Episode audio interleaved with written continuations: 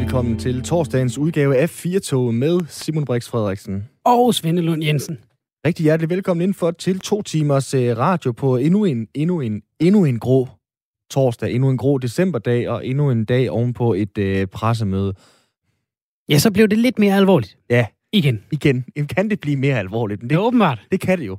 Øh, vi lukker landet igen fra første juledag, men øh, allerede i dag var der jo nogle restriktioner, der er trådt i kraft.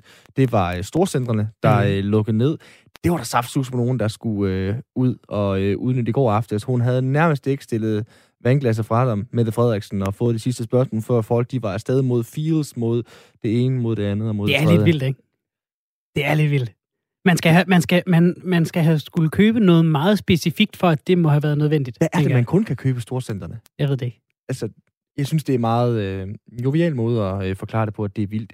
Altså, det er, det er også voldsomt, Svende. Ja, det er det. Jeg var nødt til at gå i magasin i går, fordi jeg skulle hente en pakke, og, og jeg havde ikke sådan et indtryk af, at det var ved at blive overrendt. Der var rigtig mange, der også skulle hente pakker til gengæld. Altså, der var, der, var, der var virkelig mange mennesker.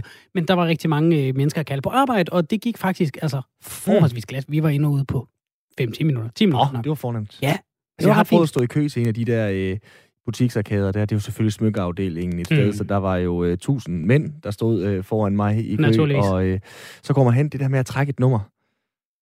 Altså, det, jeg ved godt, det er first world problems lige i øjeblikket, når vi har en pandemi, der raser. Men så trækker du nummer 37, og du kan se, det nummer, de er i gang med at ekspedere nu, det er nummer 42. Ja. Så ved du bare, der er lang tid Ja, der er langt op. Åh oh, nej. Oh, ja. Jeg øh, var ved øjenlægen i dag ja. med min søn.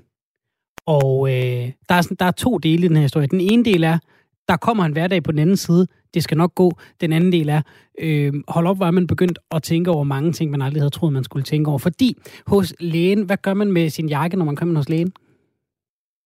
Ja, den hænger man vel op, den her, eller hvad? Er ja, det den hænger man på stumtjeneren. Ja. Det gjorde de i hvert fald op ved, ved øjenlægen. Og det første, jeg tænker, er, hvorfor i alverden gør man det? Så hænger jakkerne der og rører ved hinanden. Der hang en stråhat også. Øh, det virker øh, fjollet, når vi generelt set går og spritter af efter alt, vi har rørt. Det er sådan en speciel form for, øh, jamen jeg ved ikke, om man kan kalde det sådan en corona-pandemi øh, paranoid. Øh, det, fordi det, det, det, gode historien er jo, tilliden er der stadig på en eller anden måde. Der er ja. nogle ting, som er, som de altid har været øh, det negative, og, og det findes jo nok meget meget. Jeg vil gerne indrømme, mm. jeg er nok sådan en, der er begyndt at se spøgelser, ikke? Altså, vi har snakket om det mange gange, når man ser en film, så kan man ikke lade være med at tænke, åh, de rører ved hinanden, åh, de kysser, åh, de snakker sammen, åh, de er indenfor. Øh, ligesom når man øh, ser øh, kongekabaser, åh, de mm. ryger indenfor. Det ser helt mærkeligt ud. Det passer slet ikke med det, vi, det, vi øh, ser i dag. Så det er svært. Ja, det, det der med at, at gå og se potentielle øh, farer alle steder. Men rart, at, øh, at forhåbentlig. Jeg, jeg håber ikke, at der sidder corona på nogle af jakkerne. Nå, men hvis man, hvis man skal øh, smire dig lidt, så er det vel også et udtryk for din begævelse, at, øh, du tænker, efter at have læst og researchet på det her i et helt år, der må jo også være corona på jakkerne. Det er, mm. du, det er du klog nok til at gennemskue. Der, men det er jo igen det der med, at vi kan jo ikke leve nærmest, Svende, hvis vi skal tænke over, hvor der er øh, corona overalt. Og det er jo det, der er. Jeg ved jo ikke, om der er corona på jakkerne, men det tror jeg da. Ja. Og, og på den måde, så, så øh, tager det også måske øh, lidt... Øh, altså, det fylder meget i, i hovederne hos folk, øh, tror jeg. Især hos, hos mig, kan jeg mærke. Mm. Nu hørte vi også lidt i nyhederne om den her vaccine, der er på vej til øh, Danmark. Hvornår kommer den? Hvem skal have den først? Og så videre. Vi har set øh, videoer fra England og øh, USA, hvor det har været plejepersonale, som har fået mm. den første vaccine. Ved du, hvem der får den første vaccine i Israel?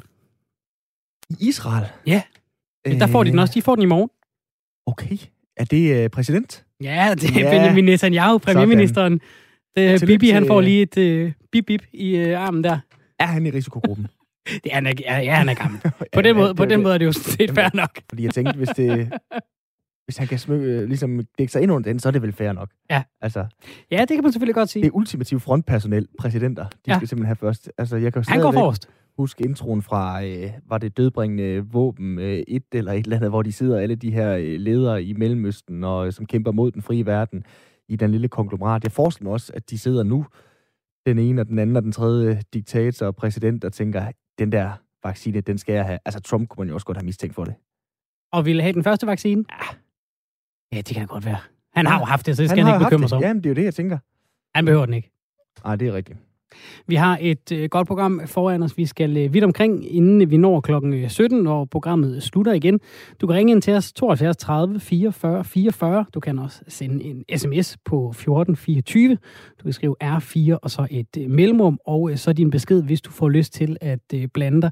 Vi skal både have sendt din øh, julehilsen, vi skal også øh, kigge på den her stafet, vi har haft øh, hele ugen med at kåre årets bedste et eller andet. Der skal vi omkring bøger og øh, tv-serier.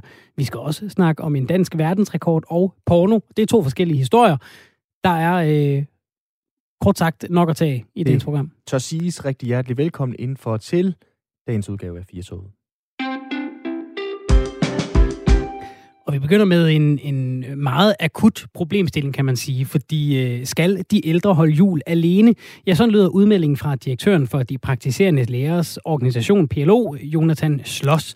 Han udtaler til TV2, det vil være et kæmpe problem, hvis smitten for alvor rammer de ældre borgere og kronisk syge. Og på den baggrund så advarer han mod at holde jul med ældre, og man bør kun gøre det, hvis man har isoleret sig i minimum en uge, det vil sige hjem fra arbejde, børnene ud af institutionen, hele måden. Vi vil gerne øh, høre jer lyttere. Hvad mener I? Fordi det er jo langt fra muligt for alle bare sådan at isolere sig selv en uge op til juleaften, især hvis øh, julegaverne ikke er købt endnu, hjemmearbejdet er øh, klaret, og, øh, og man som sagt har nogle børn, der også gerne lige vil øh, have den sidste uge med med deres kammerater. Måske er deres navn ikke blevet trukket i pakkekalenderen nu op i øh, klassen. Så hvad mener I? 72 30 44 44 eller 14 24? Skriv R4, og så send øh, din besked ind til os. Skal vi lade være med at fejre jul med de ældre år? Skal vi øh, selvisolere? Er det realistisk øh, at, at gøre det, eller kan man være ansvarlig på en anden måde? Hvad gør I selv? Med det, velkommen til dig, Nina Brun. Du er seniorkonsulent hos Ældresagen. Tak skal du have. Hvad er jeres holdning hos Ældresagen til øh, sådan en udmelding fra PLO om, at ældre bør fejre jul alene, med mindre øh, dem, øh, man har tænkt sig at holde sammen med, har isoleret sig selv i mindre, øh, mindst en uge? Jamen, altså jeg vil egentlig gerne vende lidt på hovedet øh, og starte sætningen med at sige, at, øh, at vi jo ikke opfordrer til, at, øh, at de ældre skal holde jul alene. Mm. Øh, vi mener jo, at de ældre skal holde jul på den måde, de har lyst til at holde jul. Øh, selvfølgelig under sundhedsmæssige øh, forsejlige rammer. Øhm, og det vi ved, det er, at de pårørende, de er om nogen stærkt motiveret for at overholde diverse retningslinjer. Og det her med selvisolation, det er altså ikke et nyt begreb for dem. Vi har mange, der har været isoleret faktisk helt tilbage siden marts måned, for at fortsætte at have muligheden for at kunne se deres øh, ældre pårørende på plejehjem for eksempel. Så, øh, så jeg tror, de pårørende de er villige til at gå rigtig langt for at få det her til at ske. Øhm, og særligt med tanke på, at for mange af de ældre, så er det her måske altså på plejehjem den sidste jul, de har. Så, øh, så viljen er stor.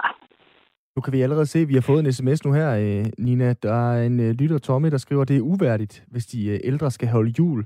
Selv det kan man ikke øh, byde den. Er der ikke noget uværdigt i, hvis øh, vi er nødt til at øh, afstå fra at holde jul med vores ældste pårørende? Jo, men det, det er jo lige præcis også det, vi tænker, at, øh, at man ikke skal. Øh, jeg ved ikke, om, om uværdigt øh, er det rigtige ord, men, øh, men det, der bare er vigtigt, det er at huske, at de ældre selvfølgelig også har nogle rettigheder og en ret til selvbestemmelse. Og hvis de ønsker at holde jul med deres pårørende, så skal vi finde en måde at gøre det på. Kan der være konsekvenser, øh, udover, øh, hvad kan man sige, de sådan menneskelige konsekvenser, hvis, øh, hvis de ældre de ikke er med i, øh, i fællesskabet til jul? Jamen altså, jeg tænker, at, at det her handler egentlig om så meget mere end jul. Det handler jo om, om hele den her lange isolation, der har været. Øhm, og lige nu er der endnu flere følelser på spil på grund af julen. Men det har rigtig store konsekvenser. Det er der ingen tvivl om. Og det handler om ensomhed, sorg, savn, depression øh, og, øh, og, og ulykkelighed. Hvor meget betyder det, det der med, at det er jul, og at det er nu, det er lige bonget ud med smittetallet igen? Fordi vi har jo egentlig, da vi var øh, midt på sommeren, så sagde vi, vi klarede den, hold op, hvor var vi gode. Øhm, forhåbentlig kan vi se en, en, en, en hverdag, hvor vi kan håndtere det her på lige om lidt. Ikke?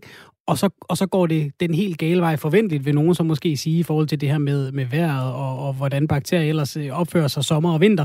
Øh, hvor meget fylder det det der med, at det går hurtigt lige her i slutspurten op til der, hvor vi normalt plejer at trække sammen i familierne? Jamen, det betyder rigtig meget. Det betyder rigtig meget. Og, og det vi jo kan se er, at, øh, at, hvad hedder det, at de her, altså, den dagsorden, der egentlig har kørt helt tilbage siden marts, den bliver jo kun forstærket lige nu, for der er så mange følelser og så meget tradition forbundet med julen. Så øh, ingen tvivl om, at det, at det fylder særlig meget lige nu. Men for lige at vende lidt tilbage til noget af det første, du også sagde, øh, Nina, jeg skal bare lige forstå det her. Altså, er det, er det nærmest sådan, at du tænker, at, at de ældre, hvis det nu er, at de er nødt til at holde alene, at de næsten er bedre gearet til det, fordi de måske tidligere har slået sig med en form for sygdom, eller måske endda er øh, enker alene, eller, eller hvordan man nu skal, skal anskue det. Altså, er der nogen steder, hvor du tænker, her de øh, ældre faktisk gider til at holde alene? Øh, jamen, jeg tror ikke, man kan skære ældre øh, over, over en kamp. Øh, så derfor så er det et rigtig svært spørgsmål. Men nej, jeg tænker, øh, at, at der er mange, som ikke ønsker at holde jul alene, øh, og derfor så skal der findes en vej. Men selvfølgelig er der også nogen, for hvem det er en helt fin løsning, øh, og som, om, som vægter smitterisikoen højere. Men det, vi jo, det budskab, vi gerne vil have igennem, det er, at der findes jo rigtig meget nu, både i forhold til test, i forhold til værnemidler øh, og i forhold til håndsprit og afstand. Så vi tror på muligheden er der for dem, der gerne vil. Hvad får I at vide af jeres øh, medlemmer? Er der nogen, der ringer ind og er bekymret for det her, og hvad siger de så? Jamen, de ringer faktisk øh, ikke særlig meget og er bekymrede for smitten. Det, de faktisk primært er bekymrede for, øh, det er, at de for eksempel bliver nægtet adgang ud på plejehjemmet juleaften, eller at, øh, at de bliver nægtet at, at komme og hente deres pårørende og tage dem med hjem til jul.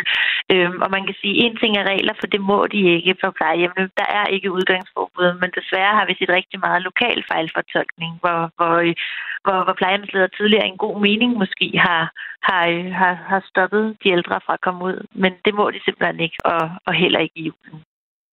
Og hvordan, hvad, hvad gør, går I så ind og blander jer i de sager? Altså, nu nævnte du de, de ældres øh, selvbestemmelse før, og, og den er jo så sat ud af spil i nogle af de her øh, øh situationer, hvor øh, vi har hørt eksempler på, jamen, du må fejre det med alle os andre ældre på plejehjemmet, eller du må tage ud af plejehjemmet. Du kan ikke få besøg på øh, dit plejehjem, og det kan jo være, at de pårørende måske ikke lige har det, der skal til for at, at få sådan en mulighed til at gå op. Hvad gør I så? Altså, går I ind og, og, og går i dialog med de her plejehjem eller kommunerne? Hvordan, hvordan får man løst øh, de der øh, dilemmaer? Altså man kan sige, når, når, der, når der sker en, øh, en reel fejlfortolkning eller overimplementering derude, som ikke har hjemmel i loven, så har vi jo heldigvis også nogle lokale afdelinger, som ofte er rigtig gode til at gå ind øh, i sagerne lokalt ude i kommunerne. Øh, men ofte så, øh, så vejleder vores øh, jurister, vores socialrådgiver også de pårørende øh, og henviser til, hvilken bekendtgørelse de kan trække frem ude på, på plejehjemmet. Og det plejer heldigvis at være nok til, at der så bliver lyttet. Øh, derudover så er vi også rigtig meget i dialog med både Styrelsen for Patientsikkerhed, hvor vi fortæller om om de erfaringer, øh, vi hører. Øh, og, øh, og vi har jo også skrevet utallige breve til sundheds- og ældreministeren og til ordførerne for at gøre opmærksom på øh, både fejlfortolkning, men også øh, det, vi vil kalde for stramme regler. Hvor meget går I ind og beregner på? Altså, fordi som jeg hørte dig sige, så synes I, det er vigtigt at, øh, at, at, at overholde gældende retningslinjer naturligvis, men, men, men også det her argument med selvbestemmelse, livskvalitet, det her med at, at se de mennesker, vi holder af. Hvor meget vægter det i forhold til den risiko, der uværligt vil være ved at ses med øh, ældre mennesker, som er i risikogruppen her i julen? Jamen, altså, det betyder rigtig meget, at der er balance i tingene, fordi at, øh, at ja, man kan dø af corona, men man kan også dø af ensomhed. Øh, og, og det er nok noget af det, der, der er rigtig vigtigt, at, at vi har sat i perspektiv her, at vi ikke får det her tunnelsyn, hvor det hele handler om fravær af corona. Øh, så, så det er rigtig vigtigt, at man også ser på konsekvenserne øh, af, af, af for stramme restriktioner.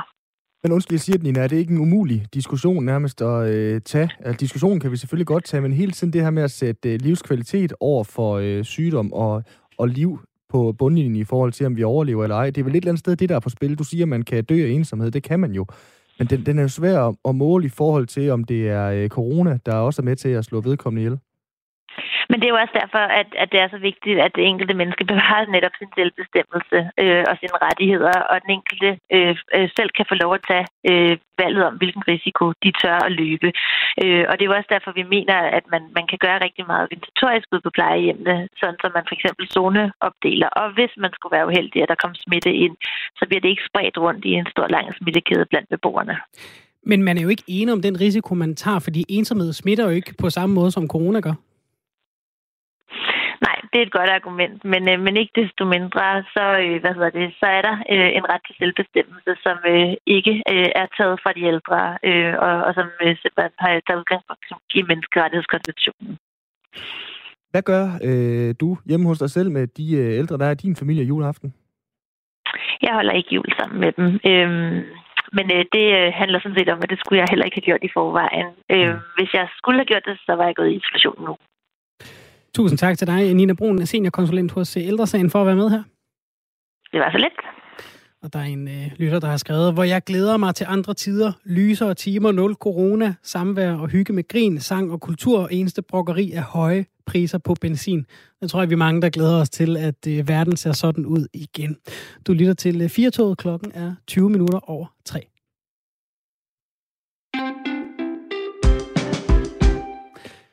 Julestemning Det er ja, vi lidt i. Ja, det er vi lidt. Ja, lad os lige få noget mere.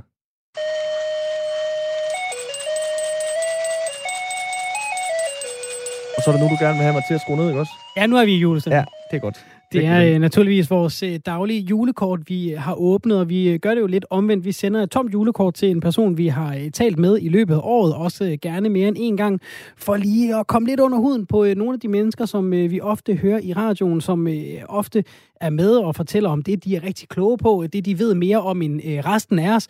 Lad os lige prøve at, at finde ud af, hvordan det er at være dem, og hvad de egentlig ellers går og interesserer sig for. Velkommen til programmet, Peter Sindbæk.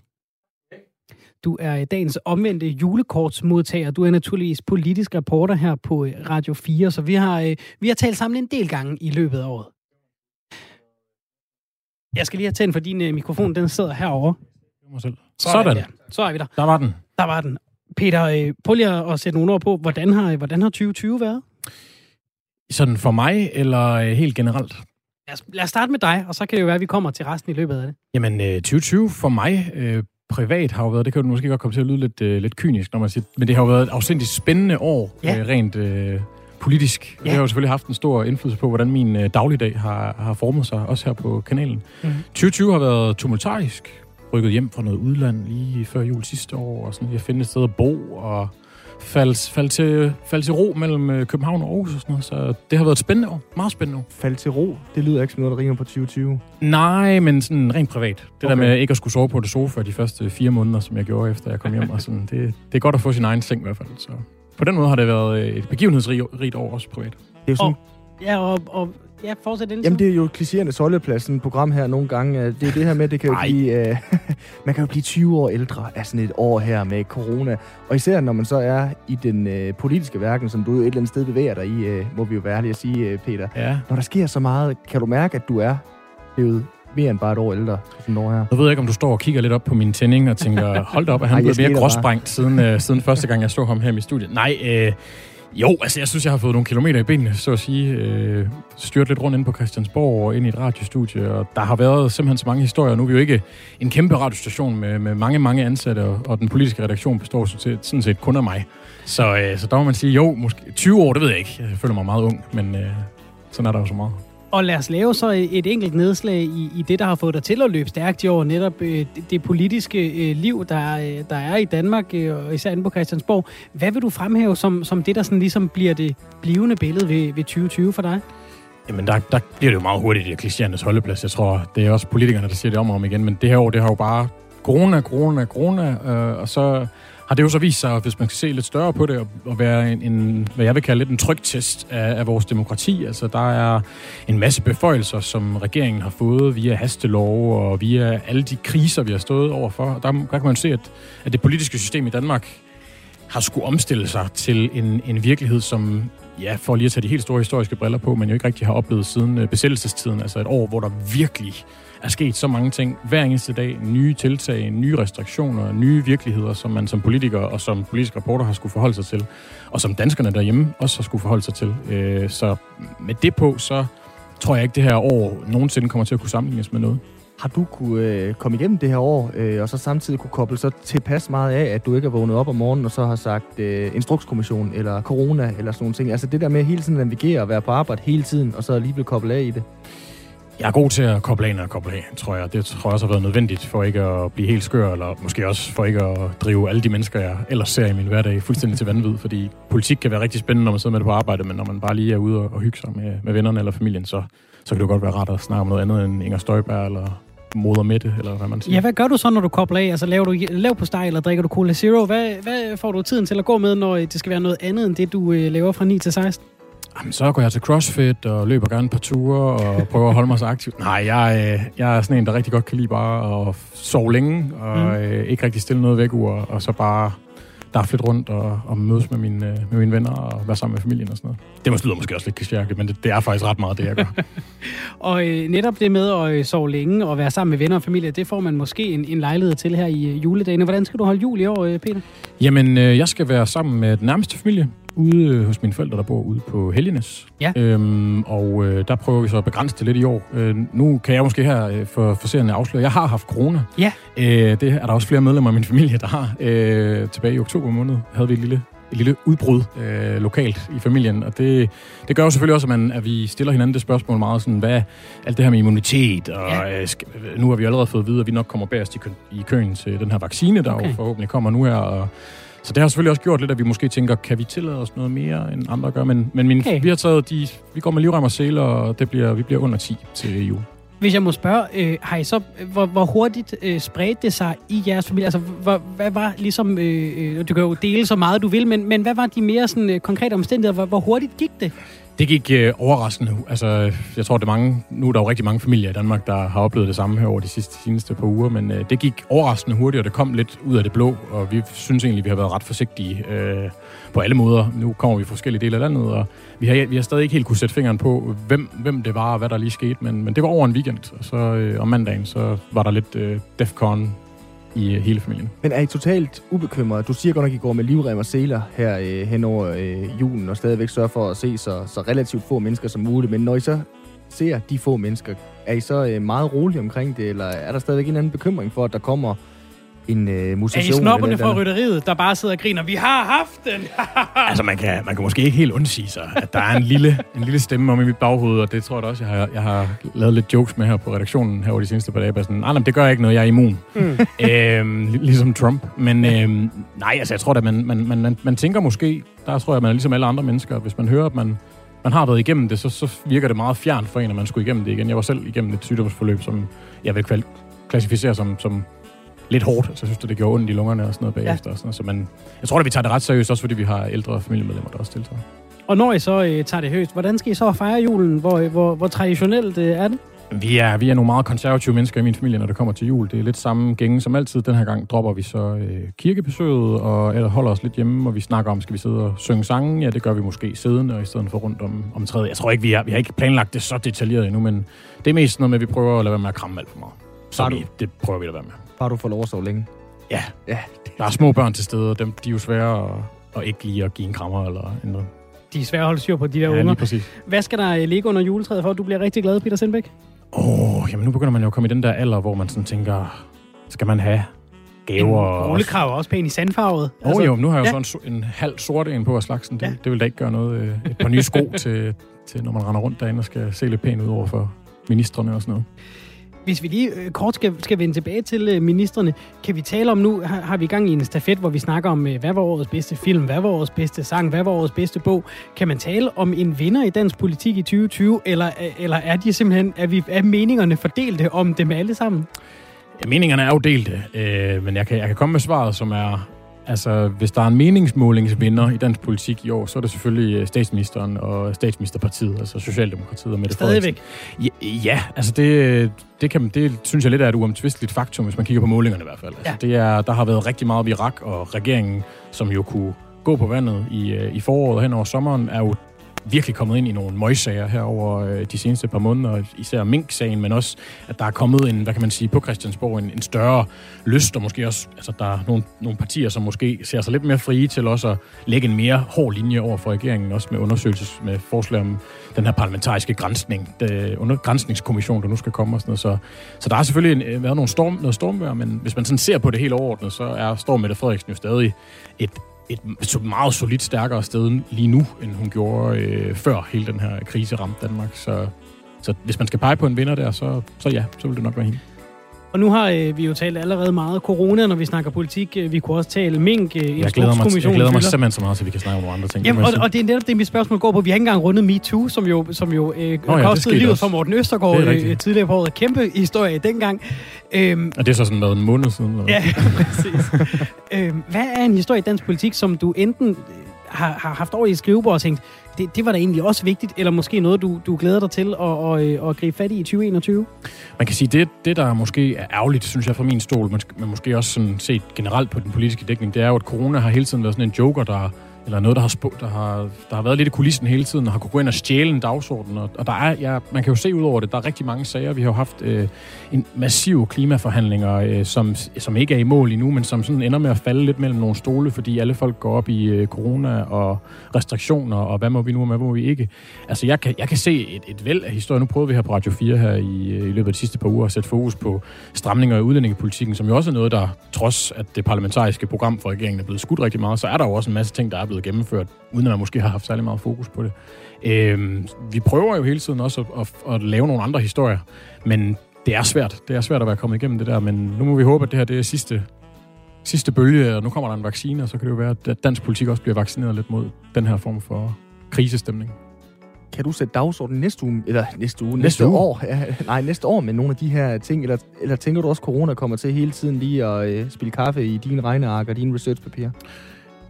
Det, der går nok lige noget tid nu. Øh, nu er der jo stadig nogle, nogle måneder, hvor vi skal have rullet en vaccine ud, og spørgsmålet er, om den så virker helt efter hensigten. Det, det går vi jo alle sammen, håber vi jo alle sammen rigtig meget på, at den gør, men øh, vi håber da selvfølgelig altid på Radio 4, at vi kan sætte noget dagsorden, og det, det lover jeg her i det her program nu, og det kommer vi også til at gøre næste år. Så øh, vi har jo heldigvis noget tid at løbe på. Og vi glæder os til at have dig med igen til så at fortælle om det, når det sker. Peter Sindbæk, politisk øh, reporter her på øh, Radio 4. Tak for, at du var med i dag og har været med øh, resten af året. Vi tales ved i 2021. Altid en fornøjelse. Glædelig jul. I lige måde. Det var dagens omvendte julekort, og det næst sidste, vi når. Vi har en enkelt dag tilbage, inden vi går på en form for juleferie. Og så er vi altså først tilbage igen i det nye år. Så det var ved at være sidste gang, vi slikkede på konvolutten, og kun konvolutten, Frank Jensen. Og og sende sådan et afsted. Fantastisk udtryk. Slikket på konvolutten. Ja, det gjorde man jo i gamle dage. Ja, det gjorde man. Det virkelig. Det gør man vel ikke rigtig uh, mere. Nej, det er med selvluk. Er det ikke selvluk? Ja, ja, det er jo. rigtigt. Det har jeg også tænkt. Det er jo heller ikke særlig coronavenligt, vel? Altså at slikke på en konvolut, og så bare sende den afsted til nogen. Jamen, hvis du, du, hvor mange slikker på uh, din konvolut, skulle jeg lige til at sige? Ja, det er der nok ikke så mange, der gør. Nej, så det er vel relativt sikkert. Eller hvad? Tror ja, du, det, det tror jeg. det smitter, når du åbner den igen? Det flår du bare papiret af, ja, og så videre. Jeg kan sige, med Post Danmark, så når de bakterier nok at dø, inden, inden øh, brevet noget frem. det er rigtigt.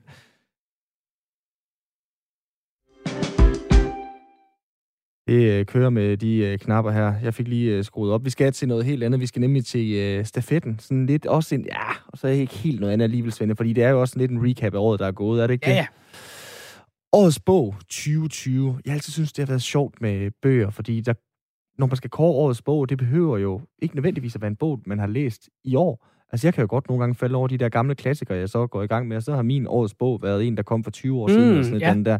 Hvad læser du?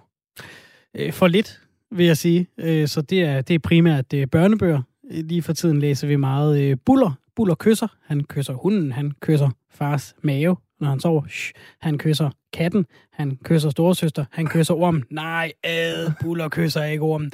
Den er, den er god hjemme hos os lige nu. Det er nok årets bog 2020. Okay. Hvor mange priser tror du, den vinder? Buller kysser? Åh, mange. Mange, tror jeg. okay.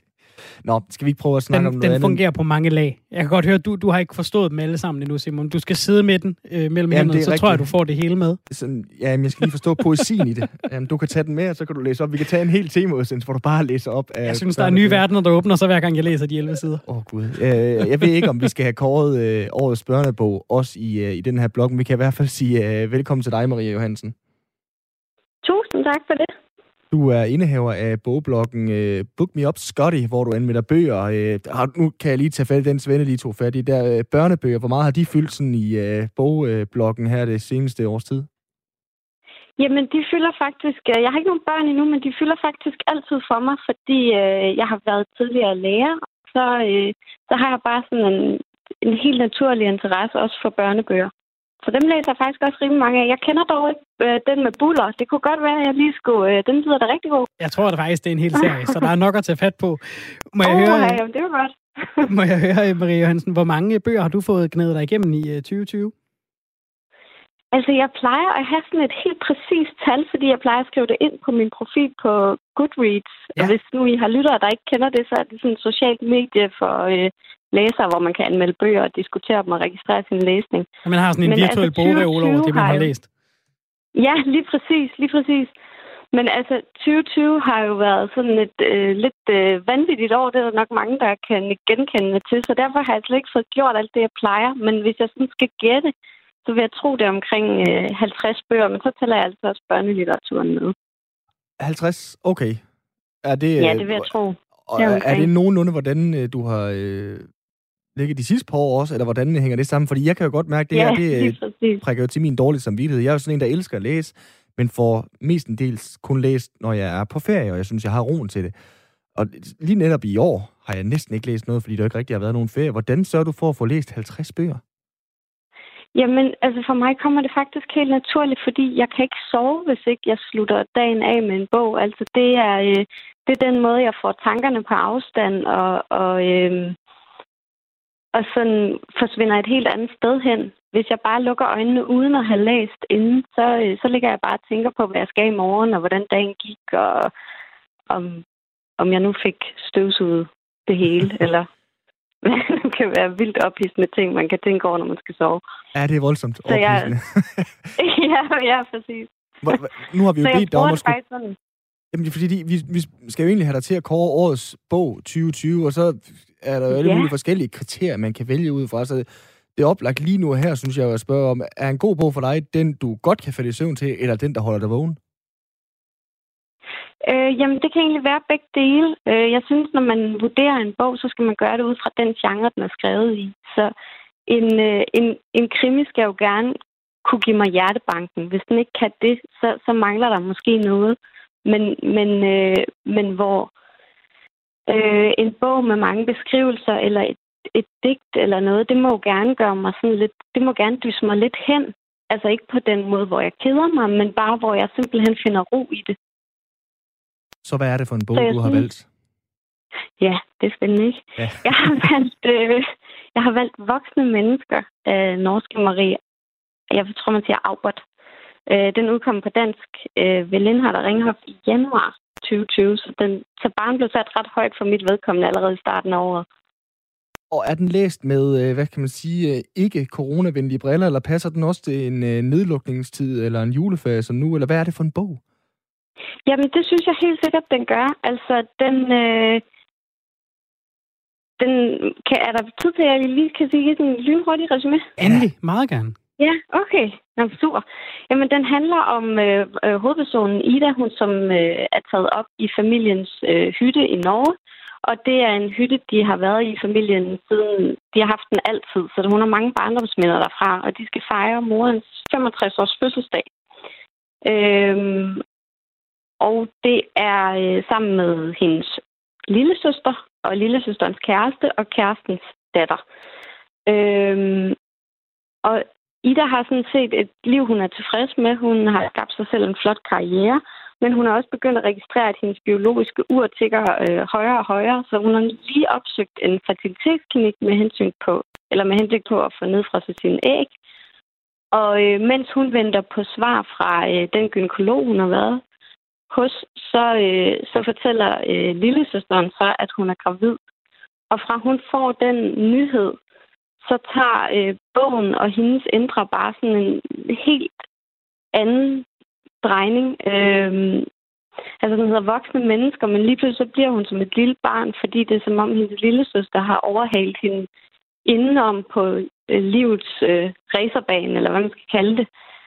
Øhm, og den, kan, den har ingenting med corona at gøre, men den har alt med følelser at gøre. Og det, øh, den taler jo virkelig ind i sådan en tid med infertilitet og barnløse og, og forskellige måder at leve på, og hvad man synes er et værdigt liv, og hvad der er et godt liv. Og, og hvis ja. vi skal lege øh, Netflix-algoritmen, der anbefaler, hvis du kunne lide den her, ja. så kan du også lide den her.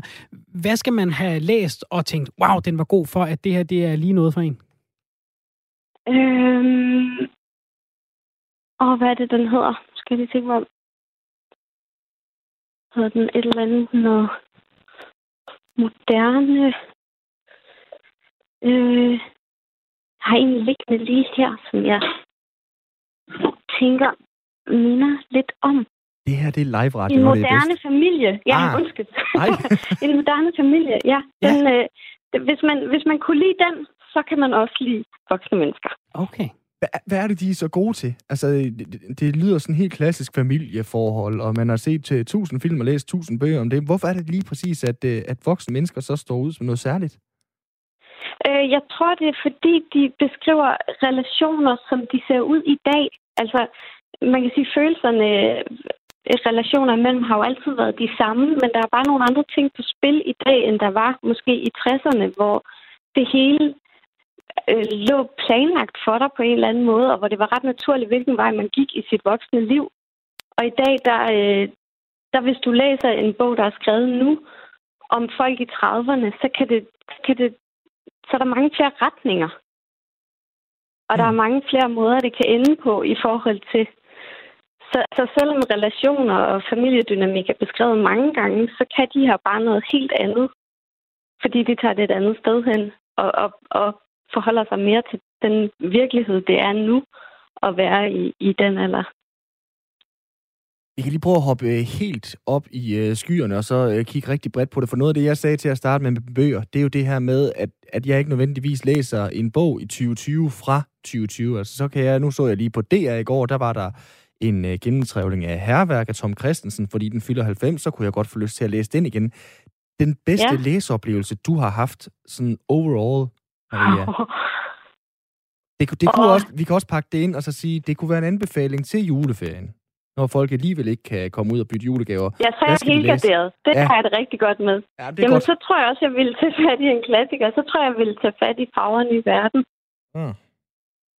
Øh, og det er også... Øh, den, altså, den er jo skrevet for mange, mange år siden, men den, den peger på, på noget, som man også sagtens kan genkende i dag med... Øh, hvordan der er forventninger om, at man skal leve på bestemte måder. Sådan, jeg tror i det hele taget bare, alle, alle bøger, der har en eller anden underliggende samfundskritik og og som kan, øh, kan pege på strukturer og øh, ja, politikken i mm, samfundet. Det, det, tror jeg, øh, det tror jeg altid fanger mig. Og øh, vi har jo gang i det her, vi kalder det en øh, lille stafet, hvor vi jo øh, kommer for, forbi en masse forskellige genrer. Bedste sang, bedste film og så nu øh, bedste bog. Det næste, vi skal have fat i, det er tv-serier. Er der en tv-serie, der har øh, fanget dig øh, i løbet af året, øh, Maria Johansen? Ja, jeg tror, der var, er det ikke i år, at øh, man så tjenerindens fortælling? Eller hvad er det? Hvad for en siger du? Tjenerindens fortælling, er den ikke tre år? Er den på sidste Det er det måske. Jeg kan se, at, øh, den er Simon, i hvert fald super jeg kan se, at Simon står og, øh, og googler for at øh, give os et svar forhåbentlig. Ja, det er lidt forfærdeligt, hvis den så var fra 19. uh, The Handmaid's Tale. Uh, nu skal jeg selvfølgelig lige ind på den engelske Wikipedia for at finde Jeg tror måske, det. den var der også sidste år, men i hvert fald så en anbefaling af, af, af den stadigvæk og, og den aktuelle sæson. Øhm, øh, når du, øh, når du øh, så ser tv-serier for eksempel, er det så fedest, når de er baseret på en bog, eller kan det nogle gange godt ødelægge det lidt? Nej, det kan altså godt ødelægge det. Øh, hvis det er en bog, jeg har læst selvfølgelig. Øh, men det er det, det der med, at en tv-serie, der skal det gå hurtigere, så der er mange ting, man ikke får med, mm. som man fik med i bogen øh, mange sådan små detaljer, eller, eller det kan også bare være de der helt små ting med, øh, at sådan synes man bare ikke, personen så ud. Altså, det kan godt være, at udseendet slet ikke er beskrevet, men op i sit hoved havde man bare et helt andet billede. Mm. Det synes jeg godt kan ødelægge det hele. men det kan også være fedt, altså, at få den ekstra dimension til en bog, man har læst, synes jeg. Og det kan også være en motivation til at få læst bogen for mig i hvert fald nogle gange, hvis jeg har et eller andet liggende, som jeg gerne vil have læst, så kan, og, og serien så kommer, så vil jeg så gerne se serien, men så, så er jeg nødt til at læse bogen først, fordi den anden vej rundt, det kommer aldrig til at ske. Den blev øh, udgivet i 2019, den tredje sæson af Handmaidens Tale. Så Nej, det er jeg ked af. Ja, men det, det, ikke. Ja, det var heller ikke rigtigt, det du skulle. Du skulle uh, fortælle os om bøger, det har du uh, gjort uh, på yderste vis, uh, Maria Johansen, uh, som altså har bloggen Book Me Up. Scotty, tusind tak for at være med her. Jamen, tak fordi jeg måtte. Naturligvis. Og god jul og godt nytår til dig. Du lytter tak. til uh, Firtoget på uh, Radio 4 her, hvor uh, klokken er så småt er ved at være kvart i uh, 4. Bedste læseoplevelse nogensinde. Nu begynder jeg jo lige at ja. træve igennem. Din bedste læseoplevelse, det kan for pokker da ikke være en børnebog. Nej, det er det ikke. Øhm, åh, den er måske svær. Det er, jo også, det er jo også det der med, hvor er man, når man læser det. Jeg kan huske, at jeg læste øh, nogle bøger, der hed Erik Menneskesøn, Mm. Det er jo ikke børnebøger. Det er sådan, nogle, det er sådan noget, det er et, et menneskebarn, som rejser tilbage, eller hen til øh, de nordiske guder, som jeg var fuldstændig opslugt af, da jeg var, da jeg var barn. Mm. Så har jeg læst øh, i, i min voksenliv, det er i hvert fald en bog, jeg, jeg ofte har anbefalet, øh, en, en bog af en, øh, en gut, der hedder Ismail Bære, som er vokset op i Sierra Leone, som bliver børnesoldat øh, og, øh, og, og kæmper i krigen der i, i start 90'erne, øh, fuldstændig skudt af på stoffer, fordi det blev de ligesom fodret. Det lykkedes ham så at komme ud, og han arbejder, jeg ved ikke, hvad han laver i dag, men dengang han skrev bogen, arbejdede han som en eller anden form for embedsmand i, i FN, øh, og, og, og kan så give den her fortælling på bagkant, mm. ikke, men en, en førstehåndsoplevelse af, af det, som, som også er en, altså, kan jeg huske, var en meget voldsom øh, læseoplevelse. Det er de bedste gaver under juletræet tit, selvom det er nogle af ja, de, øh, de billigste, nogle gange i hvert fald i, øh, i vores familie. Der, mm. der koster den der sweater alligevel rask væk det dobbelte, som man har ønsket sig. Men, men bogen til 129, den er fantastisk at pakke ud, og den er fantastisk at dykke ned. Ja, det er, øh, nu laver vi godt nok radio, og så kan vi lege øh, filosofer, Svend, og sige, der er travlt i hverdagen nu om dagen. Det er, men det der med at sidde med en god bog. Ja, hvis man mangler en god krimi, kan jeg anbefale, jeg er Pilgrim af Terry Hayes. Også mm. en øh, god læseoplevelse. Øh, jeg, jeg, synes jo, jeg synes jo tit, det er svært, hvis jeg skal lave en ønskeseddel, så at vælge en bog og ønske mig, fordi man, jeg synes, man på mindre... Øh, det er sværere at danse et indtryk af, kommer jeg til at synes om den her alle 700 sider igennem, end mm. med en film. Fordi det er nemmere at slukke for en film, end det er at lukke en bog, synes jeg. Det har du fuldstændig ret i. Der det... er så meget, at man investerer det mere tid i den, ikke? Ja, det er rigtigt. Og ja. så kan man stå der og kigge på øh, bogen og tænke, fanger den mig de første 50 sider, fanger den mig de første 100 sider, og så har man nogle gange talt med nogen, der har læst en bog. Jamen, efter 300 sider, så bliver den god. Ja, right. Så kommer jeg jo aldrig i gang med den bog. Nej, præcis. Men, øh, ja. Så er det jeg godt, tror, der findes de der pocket table books, der hvor du bare kan bladre op på en side, og så lukke den igen. Jeg tror ikke, du er den eneste, Simon, der i marts tænkte, ej, nu får jeg læst en masse bøger, og så har jeg ikke rigtig fik gjort noget ved det. Ja, dårlig samvittighed. Sådan er det. Jeg må i gang i juleferien. Noget, jeg elsker, det er mad. Og øh, derfor kunne jeg måske godt have været med på den her øh, virtuelle konference Rethink Eating 2020. Der var madelskere fra hele verden, nemlig i begyndelsen af december, samlet til altså den her øh, virtuelle konference. Det var en øh, inaktiv, interaktiv hedder det, begivenhed, som blev øh, rundet af med sådan en øh, utraditionel og eksperimentel konferencemiddag med en usædvanlig blanding af ostesmagning, historiefortælling, musik og tegning. Det vil vi gerne blive lidt klogere på, for den øh, virtuelle middag, det kan jo lige pludselig blive sådan et scenarie, som man skal igennem juleaften, måske juledagene eller øh, til nytårsaften, og måske måske også i 2021. Velkommen til dig, Stine Lund Mathisen. Tak skal I have. Du er Ph.D.-studerende ved Aarhus Universitet. En virtuel middag med 170 mennesker fra 30 lande, der alle sammen elsker mad. Hvordan i alverden kan det lade sig gøre at få noget ud af det, udover at øh, man spiser lidt på kryds og tværs og bliver afbrudt hele tiden? Ja, det er et rigtig godt spørgsmål. Øhm, jeg tror, vi alle sammen har gjort os nogle erfaringer i løbet af det her forgangne år i forhold til at deltage i, øh, i større møder og arrangementer online og virtuelt.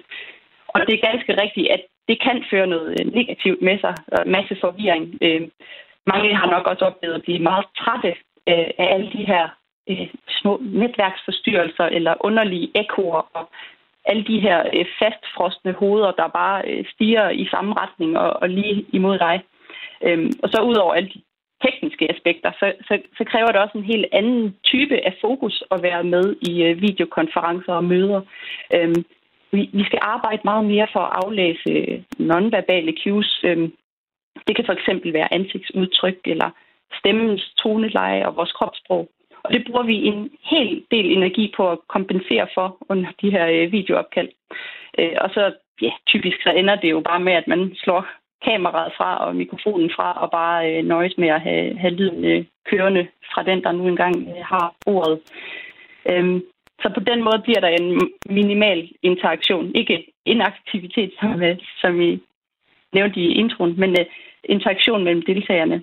Så for at svare på dit spørgsmål, øh, så valgte vi at strukturere hele den her konference omkring et skelet, hvor aktiv deltagelse fra folk, øh, det var nøglen til, at de fik en, en god og inspirerende oplevelse med hjem. Og hvad var formålet med, med konferencen? Altså, hvad, hvad, skulle I, hvad skulle I undersøge? Hvad skulle I opleve? Hvad, øh, hvad var ideen med det hele på det her Rethinking, uh, Rethink Eating uh, 2020? Jamen altså, formålet med hele konferencen, det var helt kort at gentænke fremtidens uh, madlandskab meget simpelt og lige til. Øh, ej. Øh, vi, øh, vi inviterede folk fra hele verden, som repræsenterede vidt forskellige øh, discipliner og øh, akademiske traditioner. Øh, det at brainstorme løsninger på nogle af de problemstillinger, som øh, fødevareområdet står overfor lige nu. Øh, og nogle af de centrale spørgsmål, de handlede meget om, øh, hvad vi skal spise, hvordan vi skal spise i fremtiden, øh, hvem vi skal dele vores spiseoplevelser med, øh, hvorfor spiser folk, som de gør, hvilken betydning har vores digitale adfærd over for vores øh, fysiske spiseadfærd, øh, og hvilken betydning har teknologi, øh, når det kommer til at skulle skabe nye typer af spiseoplevelser. Øhm, og så selvfølgelig så var der jo det her fokus på, hvordan vi kan gentænke fællesspisning i en virtuel sammenhæng. Især fordi øhm, fællesspisning jo er en meget central og meget vigtig del af stort set enhver kultur. Jeg tager os lige med til bords, fordi at, det, øh, det er jo altid usagnemmeligt det her, både i tv, men også i radio, og så taler med. Fordi at der er ikke nogen, der kan hverken øh, smage det, og i radioens tilfælde kan de jo heller ikke se det. Men hvordan, hvordan foregik det rundt om det her virtuelle bord? Var der øh, udleveret pakker med forskellige madvarer, I skulle smage, eller hvordan foregik det helt konkret? Ja, øh, det kan godt være, det bliver lidt langt nu, men vi blev kontaktet fra, øh, fra Finland, vores øh, kollegaer fra vores søsterfødevareafdeling på Universitetet i Turku. Øh, de henvendte sig, fordi de havde 5 øh, kilo ost til års fra et af deres øh, egne forskningsprojekter. Øh, det var et projekt, hvor de havde afspillet musik for osten øh, under dens modningsperiode. Øh, men på grund af corona, så, øh, så havde de svært ved at komme af med den her ost, at få den brugt til noget, øh, til et godt formål. Så de spurgte, om ikke øh, vi skulle dele osten ud i mindre pakker, og så tilbyde sådan en til vores øh, konferencemiddagsgæster. Øhm, og det sagde vi selvfølgelig kæmpe ja tak til. Øhm, så vi fik altså distribueret de her pakker rundt til vores øh, respektive lokale deltagere. Øh, vi havde også en del øh, deltagere fra resten af verden. Øhm, og der kom vi så med nogle anbefalinger til, hvilken ost de kunne købe, som øh, mindede om, om vores specielle konferenceost.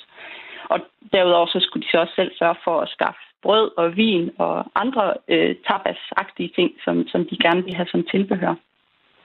Øhm, selve middagen, den var inddelt i, i sådan tre timer, tre sessions, kan man kalde dem, øhm, hvor vi i hver session havde nogle klart definerede aktiviteter, som folk skulle igennem, og hvor vi sådan udforskede nogle forskellige måder øhm, at skabe øh, nærvær på via i det her tilfælde, der var det så Zoom-platformen. Øhm, og det første på programmet, det var så den her ostesmagning til musik. Og det gik ud på, at man skulle smage osten tre gange, hver gang til et forskelligt stykke musik. Og et af musikstykkerne, det var faktisk det, der var blevet afspillet for osten under modningen. Det er meget meta ostemita. Øh, det, det, det, lyder helt sindssygt. Altså, prøv det, det, og du fortæller fuldstændig roligt. Jeg, jeg vil vide, giv mig en anmeldelse. Smagte den forskelligt med med aha i forhold til, hvis du spillede Beethoven, mens du spiste osten. Hvordan foregik det?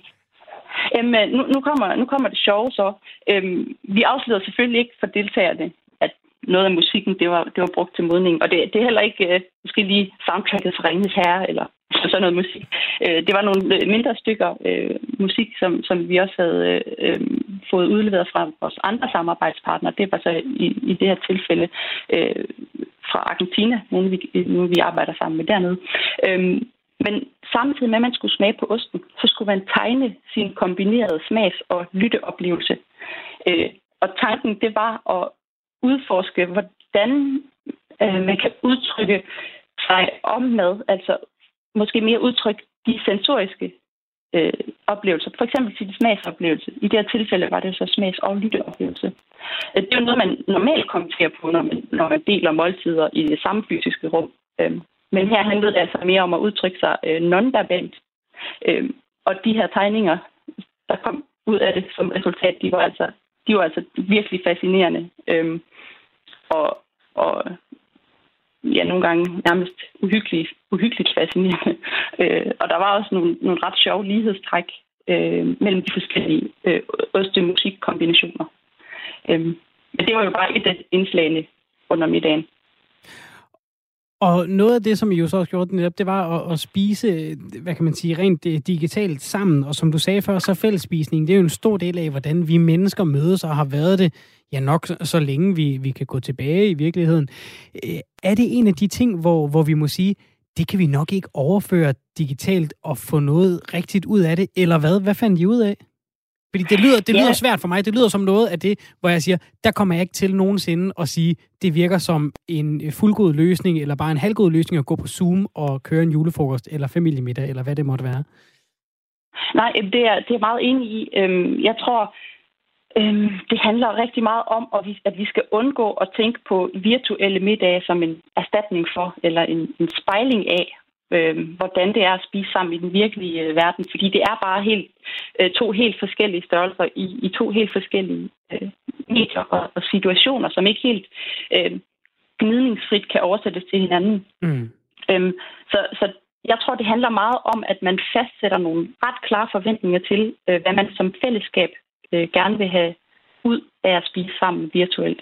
Øhm, og for at det skal blive en, en god og berigende oplevelse, så er der noget, øh, der tyder på, altså det erfarede vi jo så i vores øh, konferencemiddag her, hvor der var der var så ikke de her 170 mennesker, øh, øh, der var nok, nok nærmere i omegnen af de 30.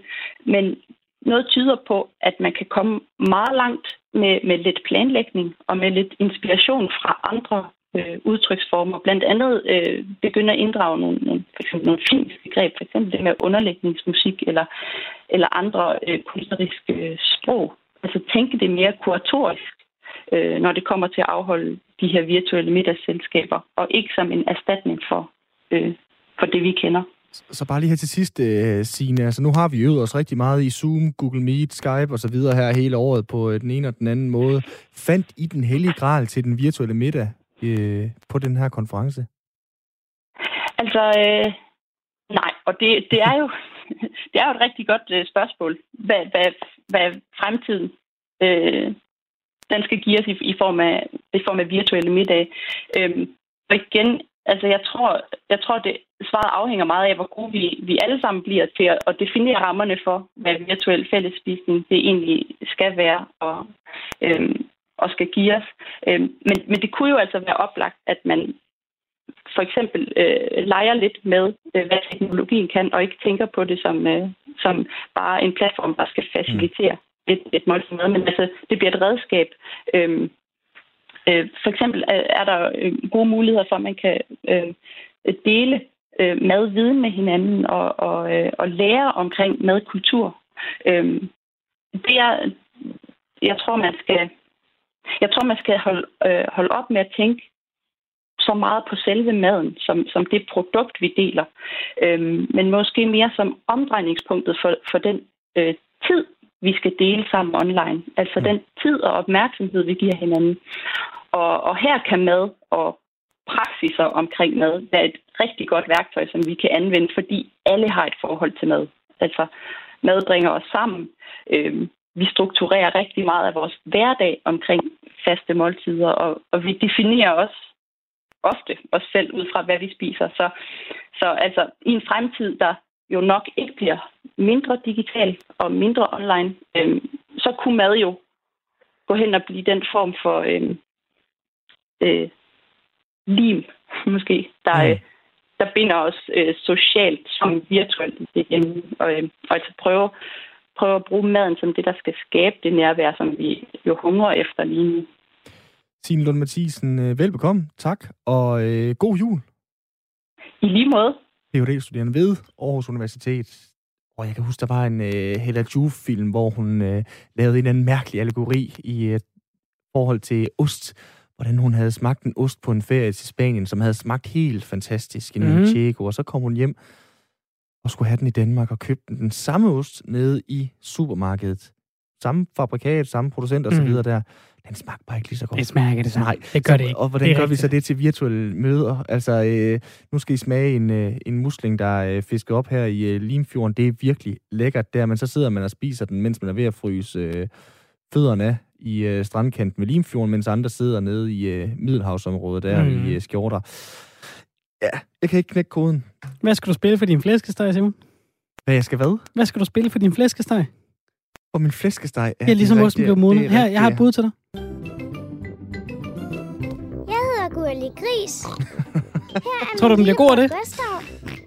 det man, skal stoppe, man skal stoppe inden, Gustav. Det bliver, det bliver for brutalt at tænke på. Ellers skal du spille den her, når du sætter grillen på, ikke?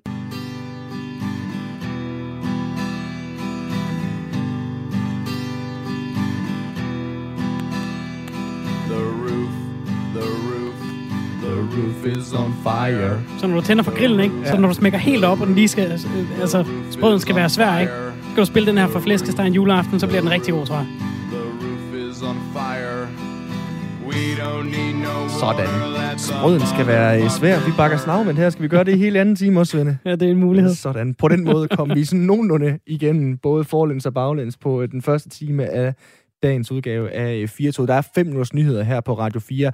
Bagefter så er vi øh, tilbage med flere recap på året, der gik. Denne gang skal, denne gang skal det handle om tv-serier. Så skal vi altså også forbi en øh, verdensrekord og forbi noget om porno. Det er, når øh, Svend Lund Jensen og Simon Brix Frederiksen er tilbage kl. 16.05 Det er om 5 minutter, for klokken er 16.